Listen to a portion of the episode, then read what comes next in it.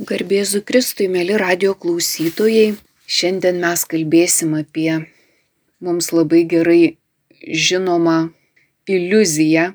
Šį žodį dažnai mes minim ir dažniausiai taikom, kai kalbam apie laimės paieškas, nes suvokiam, kad dažniausiai mes laimės ieškom iliuzijose. Tai reiškia dalykuose, kurie nėra tikri. Ir tokie dalykai negali atnešti tikros laimės. O visi ieško būtent tikros laimės, tikro džiaugsmo, tikrų dalykų.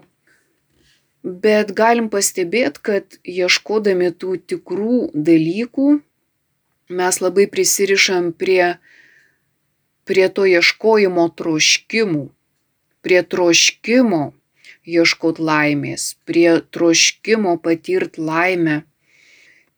Netgi tada, kai mes matom, kad mes ne ten ieškojom ir žinom, kad ten laimės nėra, vis tiek ten pat jos ieškom.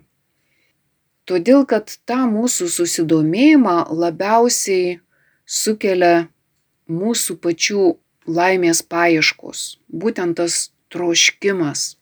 Ir Blezas Paskalis labai gerai yra pastebėjęs, jisai aprašo tokią gyvenimo situaciją, kai lošėjas kiekvieną dieną tiesiog praleidžia loždamas, nu, iš nedidelės sumos, bet sako Paskalis, jeigu jam ryte duotų kas nors sumą, va tiek, kiek jisai per dieną galėtų išlošt, su sąlyga, kad jis neloš.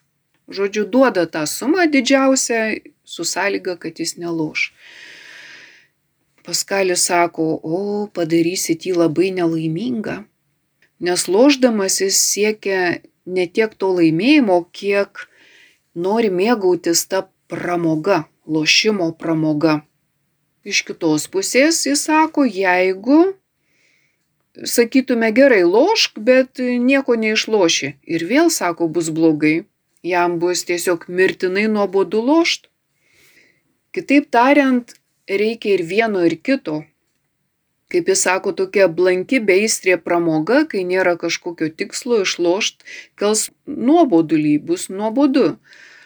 Bet iš kitos pusės, jeigu sakytume tik suma įdomina, tai irgi netiesa. Nes, kaip sakėm, jeigu gautų jis tą sumą, greičiausiai jis sakytų, ne, geriau aš lošiu, gal mažiau išlošiu, bet svarbu yra lošimas. Taigi matom, kad kiekvienam yra labai svarbu susikurti savo aistroms va tą tikslą. Žodžiu, nukreipti į kažką savo troškimus.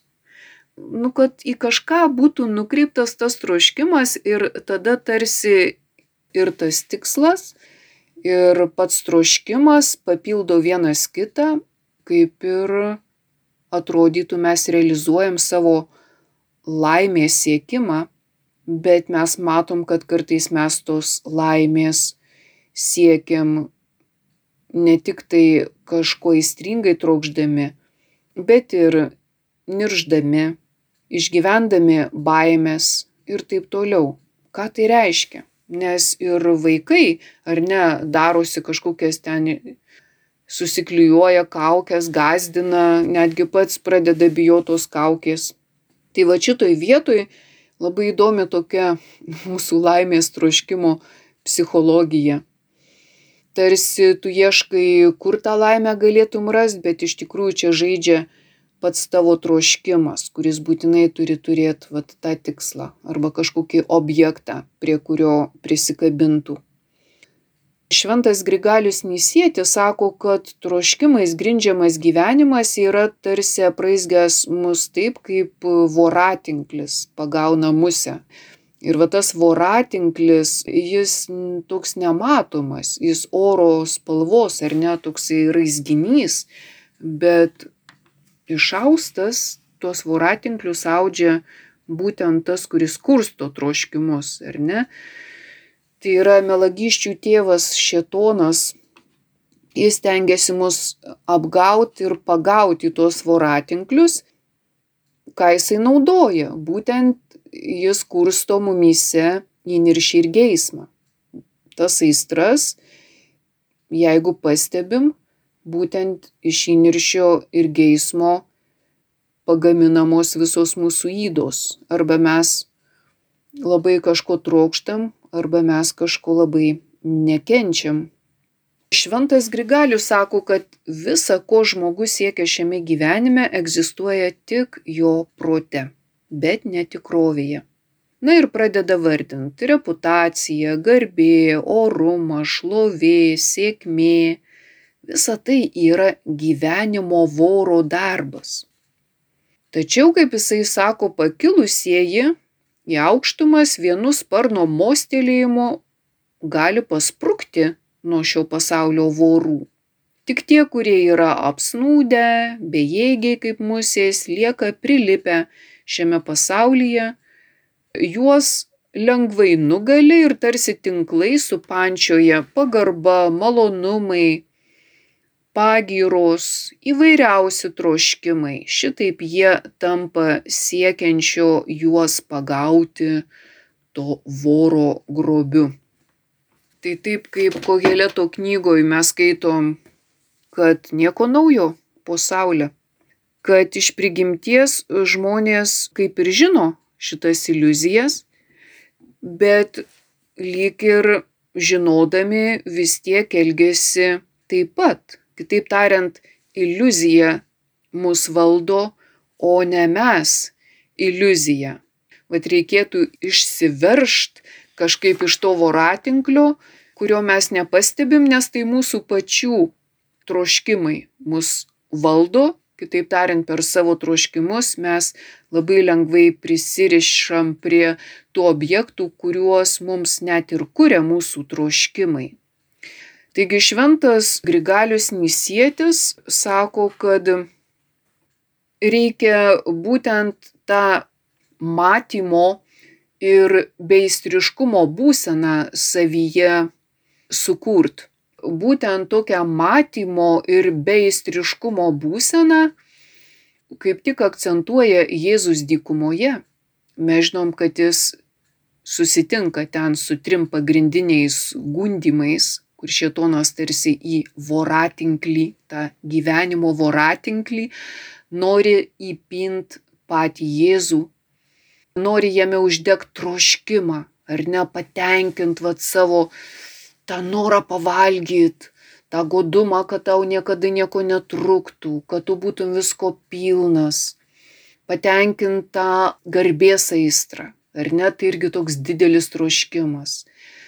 Ta garbės aistra, va šok tave ten ant rankų nešios, tai tarsi šetonas įgundo ne tik, kad, va, pamatysi, kaip gražu, kai tave ant rankų nešioja, ne čia ta aistra, kad tu būsi, va, pagerbtas, išaukštintas, išgarbintas, tave ant rankų nešios, papenėtas bus tavo tas troškimas, valdžios siekimas, vėlgi tu tik nusilenk, bet tavy va tas troškimas valdyti viską, aš tau duosiu karalystės, kad tas troškimas degtų tavyje. Matom, kad gundimai, jie tarsi rezga apie mus tą apgaulės tinklą būtent į ką taiko, tai į troškimus. Tarsi net kuriasi miražai ten mūsų vaizduotė ir ne kaip žmogus, jeigu alkanas, tai jam ten, nežinau, tas maistas kvepia tokiais kvapais, ten, nežinau, mūsų troškimai, jie gali tokią ten savo tikrovę nupiešt, kad mums atrodytų, va, kaip aš tą tikrovę pasieksiu, tai aš būsiu toks laimingas. Ir mes kiek kartų nusiviliam nuo tų pačių dalykų, bet vis tiek niekas nepasikeičia viduje. Nes tie troškimai, jie niekur nedingsta. Jie tarsi išnyksta, bet vos išnykę vėl atsiranda ir vėl iš naujo mus veikia. Matom, kad čia panašiai kaip Sizifas, ar ne, ridena įkalnę akmenį ir, ir vis tiek jisai tik užridena į tą viršų ir, ir tas vėl nurėda apačion. Arba panašiai kaip tas mirtinai išbadėjęs tantalas, jis negali pasiekti prie patlūpų esančio maisto. Tai čia va yra tie hado kankinimai, tokie panašiai kaip mes kažko trokštam, trokštam ir atrodo, va, tik šito dalyko tau ir trūksta, bet jeigu tu jį pasieki, viskas va ten nurieda kaip tas Sizifo akmuo ir tai yra tuščia, rūkų rūkas, kaip Kojelėto knygui sakoma, tuštybių tuštybė. Iliuzija. Atrodo, kuo intensyvesnis tas troškimas, tuo stipresnė iliuzija. Kuo tu labiau trokšti, tuo tu tarsi labiau savai darbini link to troškimo tikslo. Bet vis tiek visada viskas baigėsi taip pat va čia ir yra tas, sakytume, egoizmo variklis - visada trokšt arba niršt. Tarsi tavo vidinis gyvenimas ir ant šitų konusų lyg ir vyniojamas. Taip kaip šventas Grigalius Nysėtis pateikė tokį pavyzdį, sako, vaikai iš smėlio stato stato, dirba dirba, bet vos tik pastato ir tie smėlio statiniai sugriūva ir, ir nieko iš to nelieka. Taip ir tie troškimai, kurie mumise užkuria tą vidinį tokį troškulį, aistrą, būtent pasiektai, į ką nurodo tas troškimas. Bet kas iš to išeina? Kaip Paskalis sako, pramoga, lošėjui lošti yra pramoga. Tikslas teikia malonumą ir pats lošimas, bet mes žinom, kad lošėjai daugiau pralošia negu, negu išlošia. Ta žmogaus kvailybė būtent ir yra tokia, kad kaip tie vaikai statom iš smėlio pilis ir, ir jos pačios subyra. Taigi mes nieko iš to negaunam, ten nėra jokios laimės. Sakoma, kad žmogus yra sukurtas geriausiems dalykams. Taip kaip Jėzus Mary, Mortai apie Mariją sakė, jinai išsirinko geriausiąją dalį. Bet ta geriausioji dalis buvo sėdėjimas prie Jėzaus kojų, ar ne, o Morta buvo veiklioji, ta, kuri sukosi kaip bitelė bizgi. Vis dėlto žmogus yra sukurtas kontempliacijai, taip pasakytų šventieji, tai yra tokia vidinė veikla, kuri yra už visų kitų vidinių veiklų. Tai yra daug gilesnė arba aukštesnė, gilesnio arba aukštesnio lygmens mūsų sielos veikla. Bet iš kitos pusės mes žinom, kad kontempliacijoje mūsų kaip ir nelieka. Mes esam, bet ir nesam. Mes esam visiškai tušti, bet tuo pačiu labiausiai pripildyti. Tai va tokios laimės kiekviena siela trokšta kad ji būtų laisva, tuščia nuo visko, kas ją vargina, bet pripildyta tikrų dalykų. Kaip pradžioje sakėm, ieškau tikros laimės, ieškom ten tikro, ten vyno žmogus ieško, ir būtinai prideda tą žodį tikras, bet tikras yra būtent ta geriausioji dalis, tai yra dieviška veikla mūsų sieloje, ne mūsų veikla. Nes mes žinom, kad lekcijo divina, kur yra oracijo, meditacijo ir kontempliacijo, ar ne, tos dalys, kai mes paskaitom šventą raštą, pasimeldžiam, kad Dievas apšviestų mano protą ar ne, kad aš tinkamai suprasčiau, ką aš čia paskaičiau ir tada intensyviai aš galvoju apie tai, ką čia reiškia, kągi šitas fragmentas man sako, kai, kaip aš jį turėčiau suprast. Ir aišku, priklauso nuo to ir kokią patirtį turim ir kaip mes net jaučiame šiandien ir kokias problemas turim, tas raštas kiekvieną dieną gali kitaip prabilt bet galiausiai po maldos, po meditacijos ateina kontempliacijos laikas. Kitaip tariant, užleidžiam vietą Dievui. Mes nutylam, visiškai liekam niekas.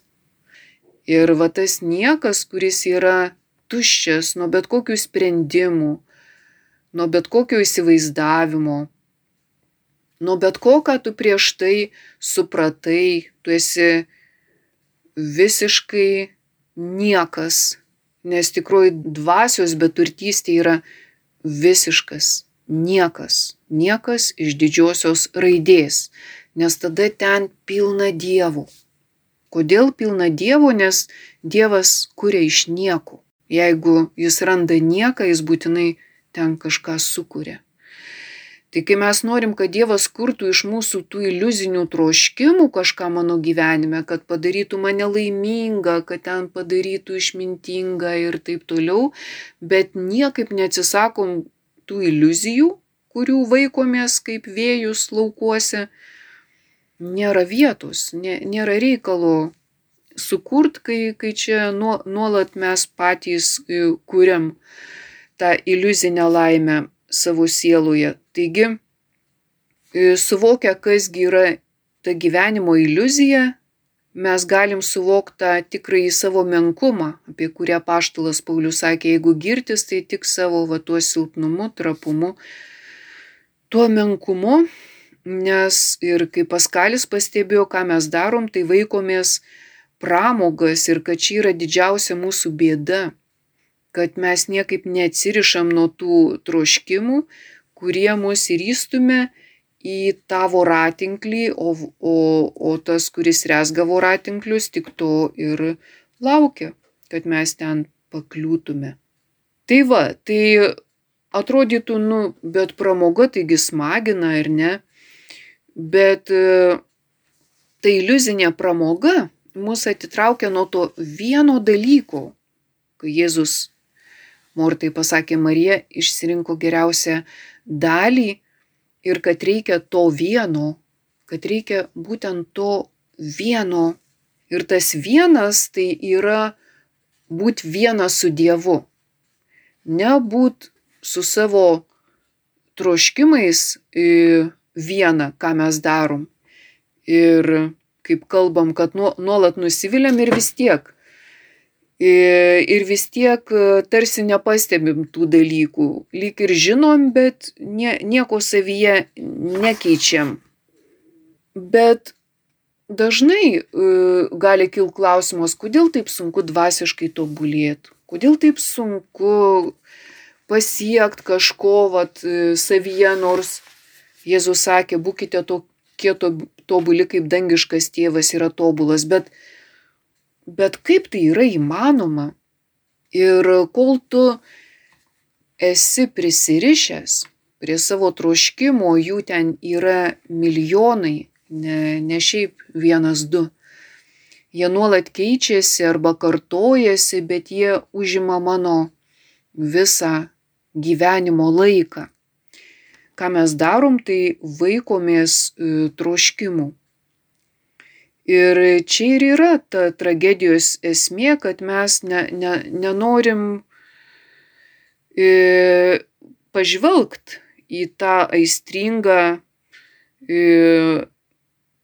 iliuzijos vaikymasi ir kad tai yra visiškai savitikslis dalykas nes mums pasitenkinimą tiesiog pati aistra, patys tie troškimai ir teikia. Tai kaip čia dabar nieko netrokšta, ar ne? Arba trokštam, arba nirštam ant ko nors, o kaip čia dabar ne, ne, ne, neturėti šitų dalykų. Bet galim pastebėti, kad būtent tas įniršis ir geismas, jisai tarsi mūsų protą nukreipia savo tikslų link. Ir tada matom, kad kadangi aistros, troškimai yra susijęs su iliuzija, tai reiškia, kad kai paprašo proto pagalbos, tai protas tada kuria įvairiausius prasimanimus. Prasimanimus, kada mes meilę keičiam neapykantą. Prasimanimus, kaip galim sakyti, viltį keičiam baime. Prasimanimus, kai mes e, pergyvenam dėl visiškai tuščių ir nereikalingų dalykų. Ir mes negalim išsivaduoti iš tokios vergyjos. Nors protas jis turi galę mus išlaisvinti iš, iš aistrų, bet aistros tai padaro, kad jos įdarbina protą ir tada dinksta gebėjimas pamatyti tikrą savo padėtį. Protas negali tada išvelgti, nes jis yra įdarbintas ar ne, kurt tuos prasimanimus ir dar labiau grimst į iliuzijas. Taigi šventas Grigalius Nysėtis, kurį šiandien vis miniu, jis dvasinį gyvenimą apibūdino kaip kelionę iš tamsos į šviesą ir iš šviesos į tamsą. Ir jis sako, va tas perėjimas iš šviesos, kuri yra tamsa, į tamsą, kuri yra šviesa. Perėjimas iš šviesos, kuri yra tamsa, į tamsą, kuri yra šviesa. Ir jis tai pavadina kopimu.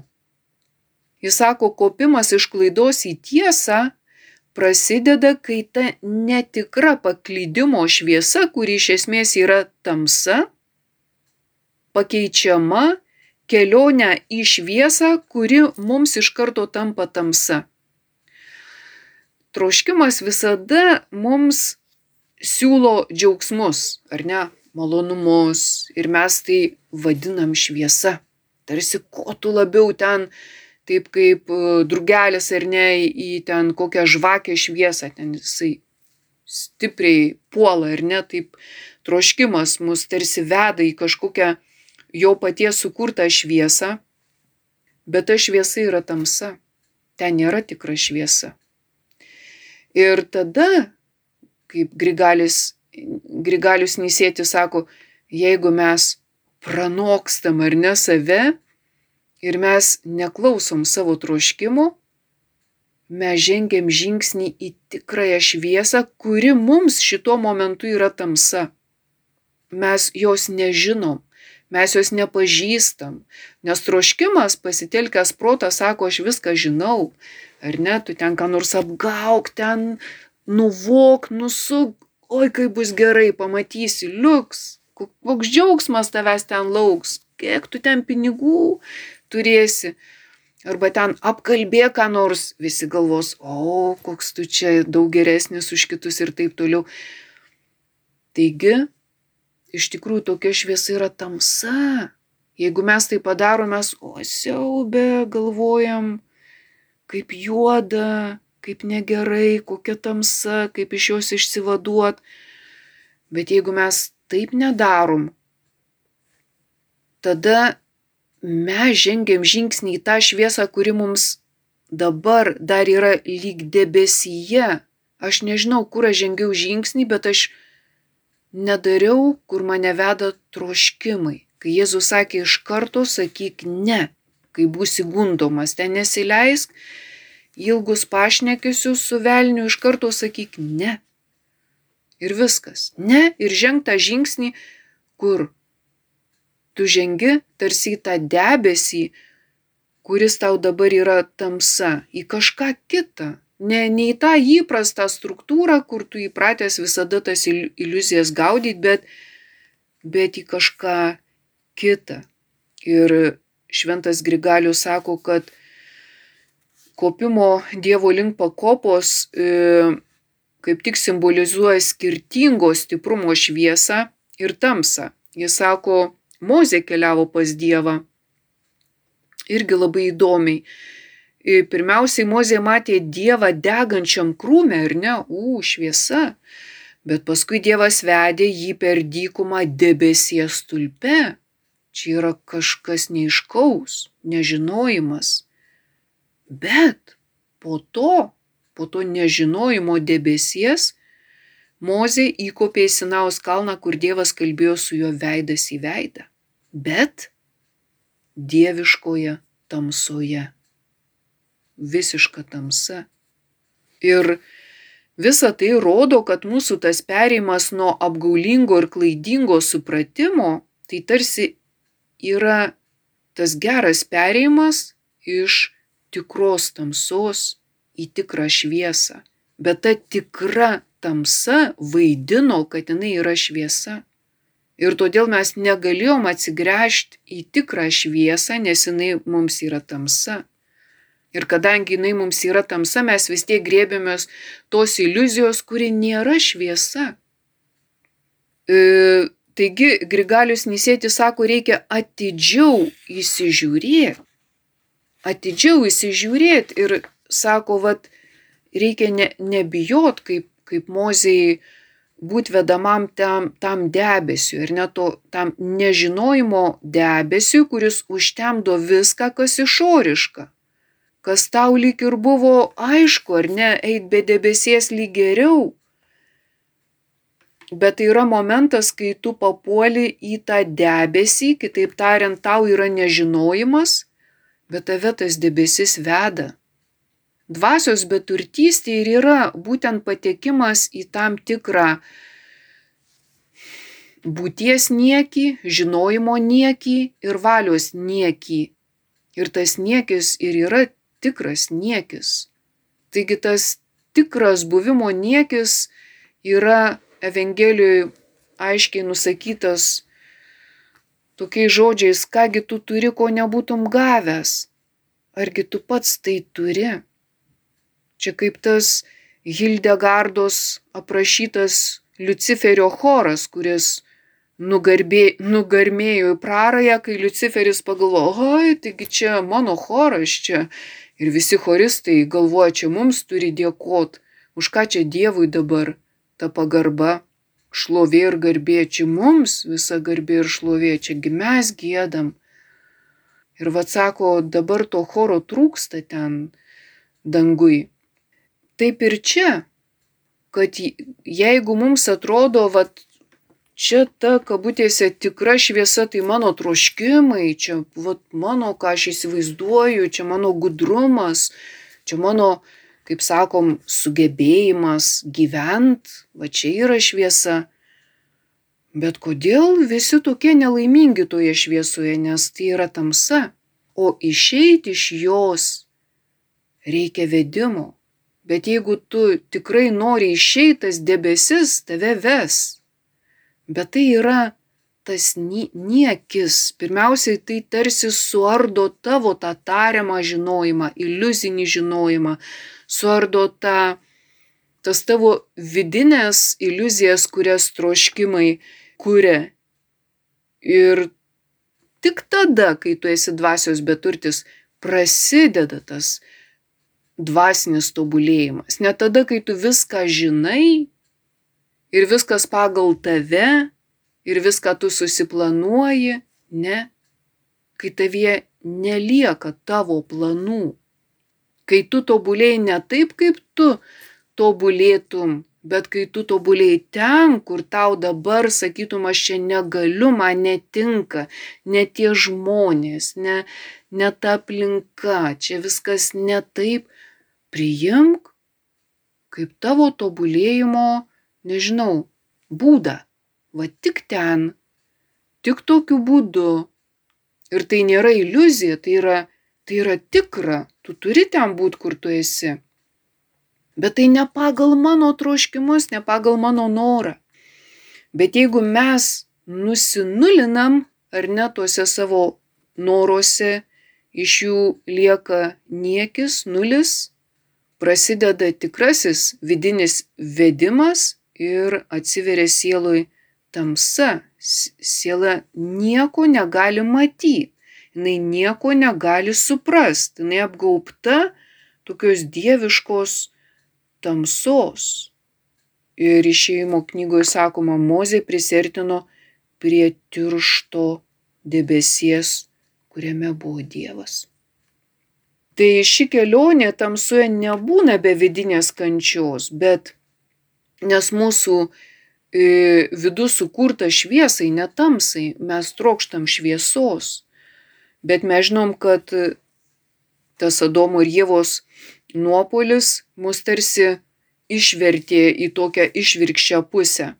Ten, kur šviesa, kurią mes taip mėgstam, yra tamsa kelias į tikrą gyvenimą yra per mirimą, per mano egoizmo mirimą. Man tas struktūras reikia kažkokiu būdu ten sulaužyti, troškimo ir įniršio struktūras.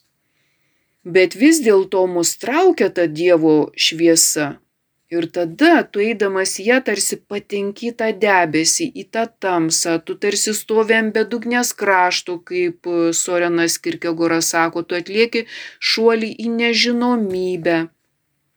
Bet vis dėlto mūsų pati giliausioji esmė trokšta Dievo, jinai ne iliuzijų trokšta, bet tikrų dalykų. Ir kryžiaus Jonas ar ne, jisai kalbėjo apie tokias dvi naktis, apie kūno naktį ir dvasios naktį. Tarsi reikia praeiti tokias dvi tamsas, išsivaduoti iš kūniškų troškimų, kas nėra taip lengva ir tada papuoliai į kitą tamsą, būtent į tą dvasinę, nes tu nesi pasiruošęs regėti Dievo akis į akį. Deja, ta tamsa šitame gyvenime greičiausiai visada mus veda, bet dieviška šviesa visada yra kaip viltis. Čia kaip mokytojo Harto mokinys Tauleris yra tokį pamokslą pasakęs apie elnę, apie stirnaitę, galim taip sakyt, kurią medžiotojo šunys vejasi. Ir jinai taip bėga ir atlekia prie šaltinio. Ir jinai taip geria ištroškus to šaltinio, taip geria Ir Tauleris sako, matot, nėra blogai tie šunys. Kitaip tariant, tie šunys ir yra tos pagundos. Tai yra to šietono šunys. Bet jis sako, žinokit, kad ne tik didelių šunų reikia bijoti ir bėgti nuo jų, bet ir mažyčiai labai kanda. Ir maži dar kartais pavojingesni. Bet jis sako, bet reikia jų reikia, reikia to troškimo, reikia to įniršio, jisai pulsuos mumyse, kaip tie šunys gazdins mus, bet mes ieškokim gyvojo vandens, ne, nepasiduokim, ne, ne juos pamaitinkim savim, bet ieškokim gyvojo vandens. Ir vis dėlto paskui jis duoda dar vieną pavyzdį tame pamoksle, sakydama, žinau, čia labai panašu kaip geras geras tėvas, turtingas, kuris ten turi gerą vyno rūsį. Na ir savo vaikams sako, nu, ką nori, tą darykit ir tie vaikai nuėjo tą rūsį pasigeria. Ir tada tėvas jiems ne dar daugiau vyno duoda, bet vandeniu girdo. Ir galiausiai Tauleris paaiškina, kaip čia yra. Jis sako, Taip, Dievas nieko negaili.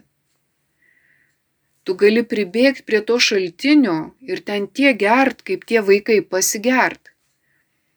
Bet būsi girtas, apsvaigęs.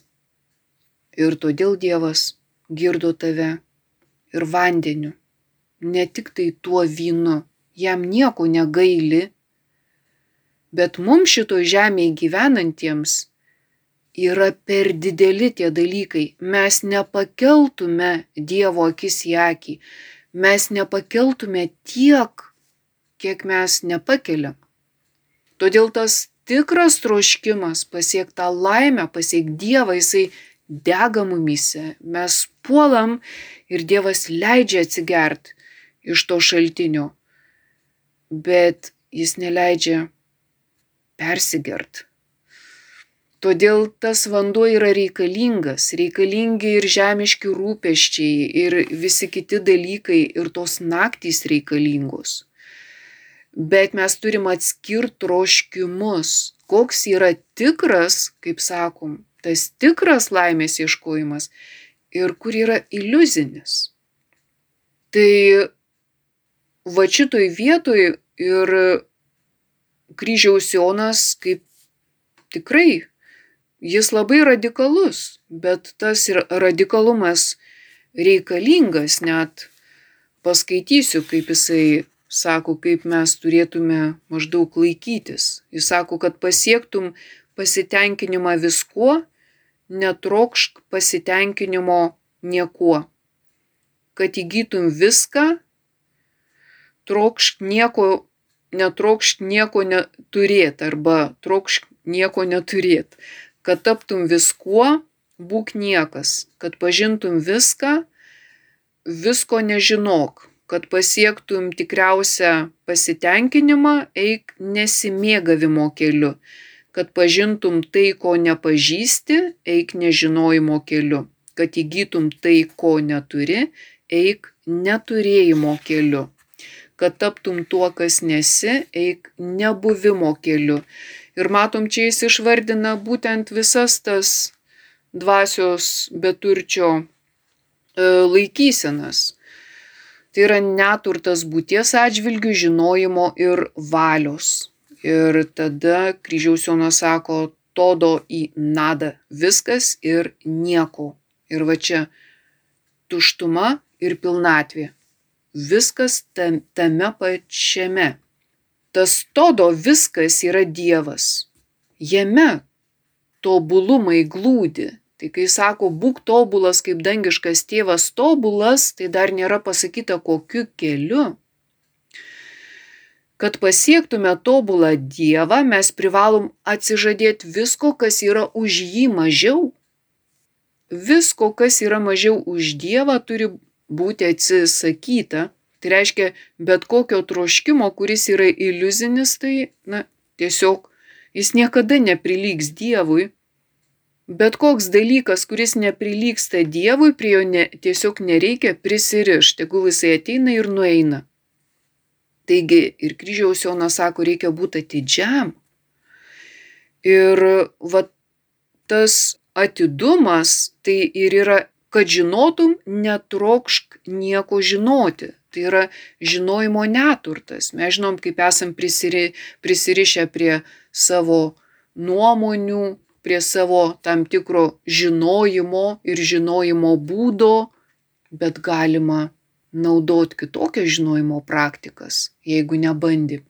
Tikėjimas yra gilesnis, didesnis žinojimas. Ar mes tikrai pasitikim Dievu ir tikim? Ar nėra taip, kad mes influenceriais tikim labiau negu Dievu? Kad mes tikim tuo, kuris skelbėsi, kaip jis išgarsėjo, nors net vidurinės nebaigė ir vienu žodžiu gali papasakot viską apie šeimą, gali viską papasakot apie kitus ten ezoterinius dalykus ir mes jo tikim, bet Dievu ne. Taigi kryžiaus Jonas ir sako, reikia atsižadėti visų šitų žinojimo stabų ir įgyti kitokį žinojimą, kuris ateis iš to debesies, kuris mus ves, kai mes to savo netikro žinojimo neprisirišim prie savo to netikro žinojimo. Jis ateis ir nueis, tie troškimai ateis ir nueis, tas įniršis ateis ir tegu nueina. Taigi valia, jinai irgi kaip svarbu, kad būtų Dievo valia, bet kaip sunku atsisakyti savo valios. Tai vad jeigu mes kažką dar savo nenumirštam, ar ne, me, mes negalim keliauti tuo tikru keliu. Ir kaip jis sako, viskas ir nieko, ar ne, tu pasitenkinsi viskuo, kai neprisiriši prie nieko. Ir tai yra tokia laisvė, kuri ir gali suteikti mums laimę.